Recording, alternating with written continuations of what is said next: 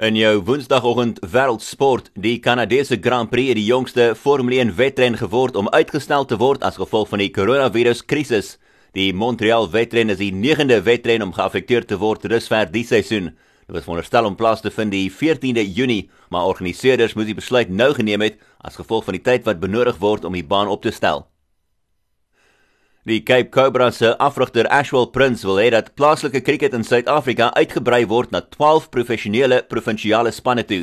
Cricket Suid-Afrika oorweeg al om plaaslike cricket te herstruktureer vir 'n paar jaar, maar die besluit is toe geneem om te volhard met die huidige 6-span franchise formaat vir volgende seisoen. Honestly, my thought about that is that the sooner we can come to something that's going to be around for 10, 15, 20 years, the better. Another makeshift kind of seven matches, this, that, and the other.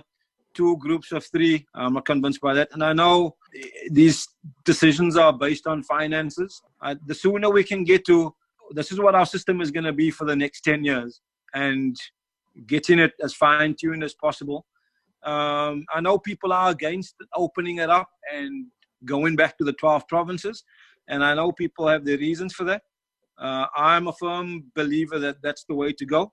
It works. Uh, why I say it works is because I do believe that there are far too many cricketers not playing regularly.